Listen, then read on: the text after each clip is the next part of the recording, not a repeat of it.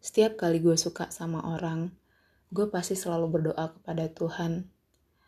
Dan kebanyakan dari doa itu adalah isinya sama, intinya sama.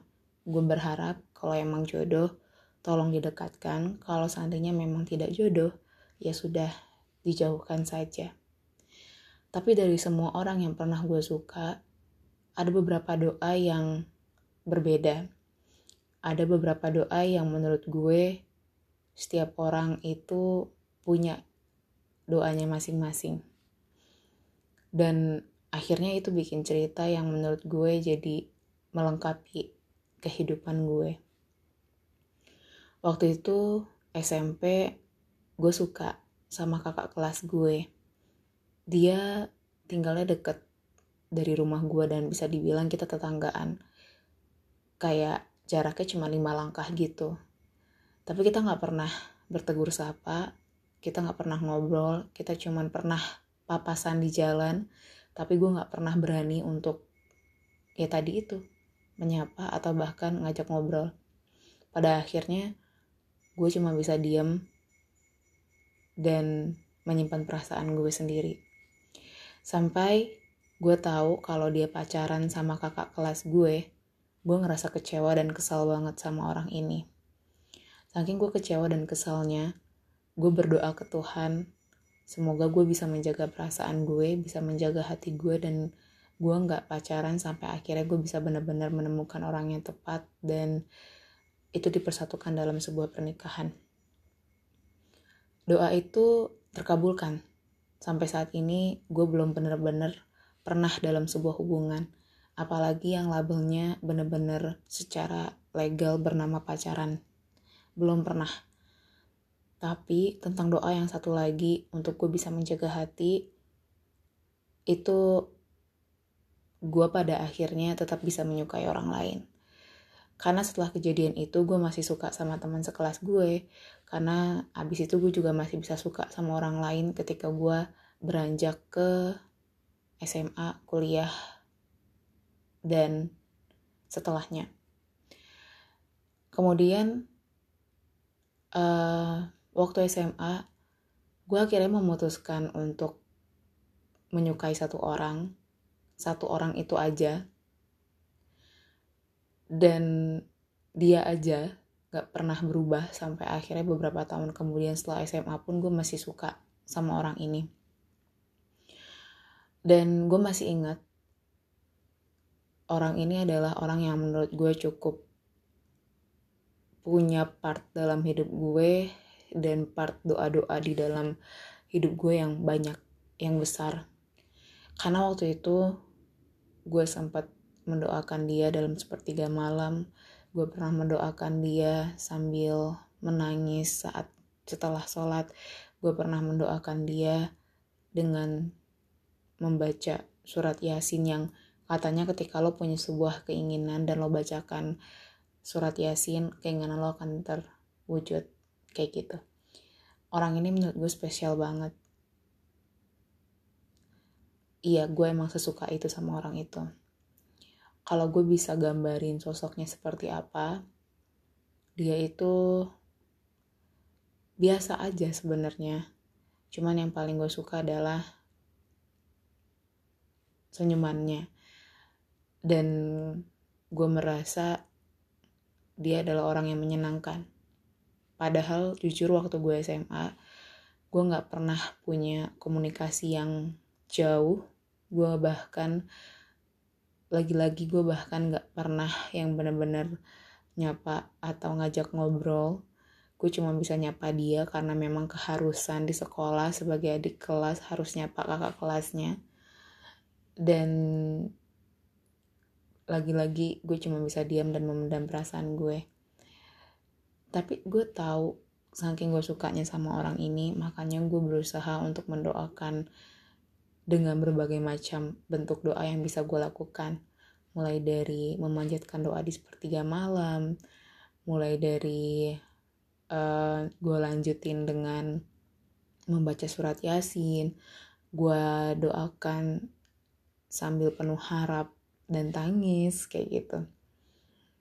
Dan bahkan di tahun terakhir orang itu ada di sekolah which is gue masih kelas 2 dia udah kelas 3 dan udah beranjak ke bangku perkuliahan. Gue tuh berdoa kayak gini ya Tuhan gue punya perasaan sama orang ini perasaannya begitu dalam. Uh, gue pingin perasaan ini gue serahkan ke engkau dan ketika uh, harus dikembalikan tolong kembalikan dalam bentuk yang paling baik kata gue gitu jika seandainya nanti akan engkau kembalikan, tolong kembalikan dalam bentuk yang paling baik. Dan gue percaya titipan perasaan gue itu akan dikembalikan oleh Allah dalam keadaan yang paling baik kayak gitu. Sampai akhirnya beberapa tahun setelah gue tamat kuliah, gue bertekad, bertekad banget untuk gak suka sama orang lain. Gue akan menjaga perasaan itu. Dan ini sebagai bukti gue kepada Allah kalau gue memang bener-bener ingin menjaga perasaan itu dan sebagai janji gue kepada Allah kalau gue emang seserius itu sama doa yang pernah gue sampaikan, yang pernah gue ucapkan dan gue berharap Tuhan mengembalikan perasaan gue dalam keadaan yang sesuai dengan apa yang gue minta di dalam doa itu. But at the end pada saat di akhir masa perkuliahan gue gue akhirnya sadar kalau ternyata gue sempat tertarik sama salah seorang teman gue. Teman di perkuliahan gue dan akhirnya gue coba untuk menyatakan perasaan gue.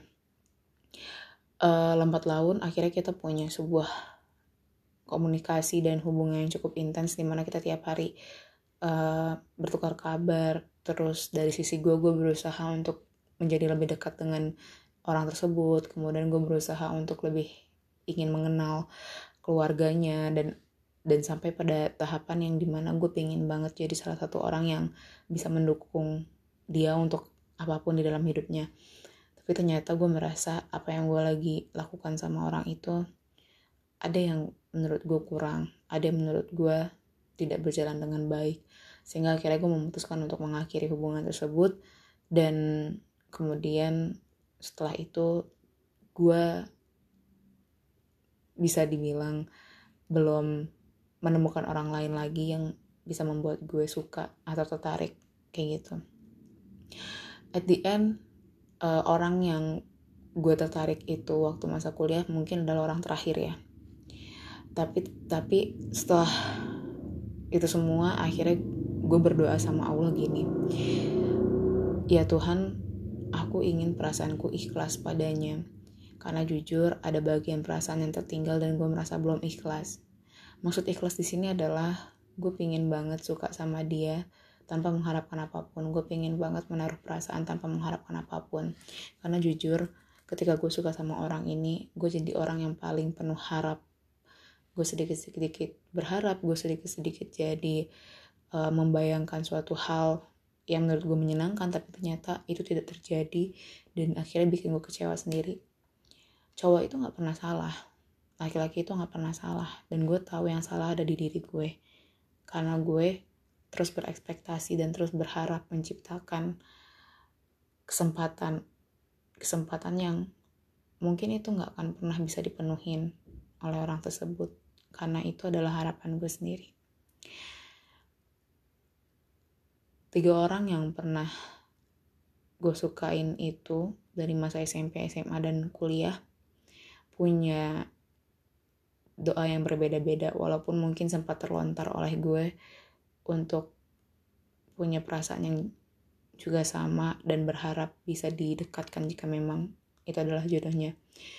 Tapi kemudian gue jadi berpikir untuk sebuah doa yang pernah gue lampirkan dan gue sampaikan di tiap malam, di tiap kesempatan untuk berdoa kepada Tuhan, yaitu doa gue sama orang yang pernah gue suka di SMA. Kalau seandainya memang doa itu akan dikabulkan dalam tiga cara atau tiga bentuk, gue penasaran doa gue untuk orang yang gue suka di SMA itu akan terbalas dalam cara yang seperti apa ya? Masih inget kan, cara yang pertama Allah akan mengabulkan doa kita adalah satu, langsung dikabulkan pada saat itu juga Dua, akan dikabulkan namun waktunya bukan saat ini, mungkin beberapa tahun atau beberapa waktu ke depan. Dan yang ketiga, akan dikabulkan dan diganti dengan yang lebih baik. Kalau seandainya waktu gue berdoa itu dan Tuhan belum bisa mengabulkannya pada saat itu, maka cara pertama untuk doa gue di waktu gue suka sama orang di SMA itu berarti bukan jawabannya. Tapi kalau seandainya Tuhan ingin mengabulkan doa gue dengan cara yang kedua, yaitu di waktu beberapa tahun ke depan atau mungkin beberapa waktu ke depan, gue merasa enggak juga jawabannya. Karena abang itu sebentar lagi akan menikah dengan perempuan yang dia sudah pilih. Dan gue penasaran banget, kalau seandainya Tuhan mengabulkan doa gue itu dengan caranya yang ketiga, gue bener-bener penasaran. Bentuk apa yang lebih baik Tuhan akan jawab untuk doa gue yang satu ini.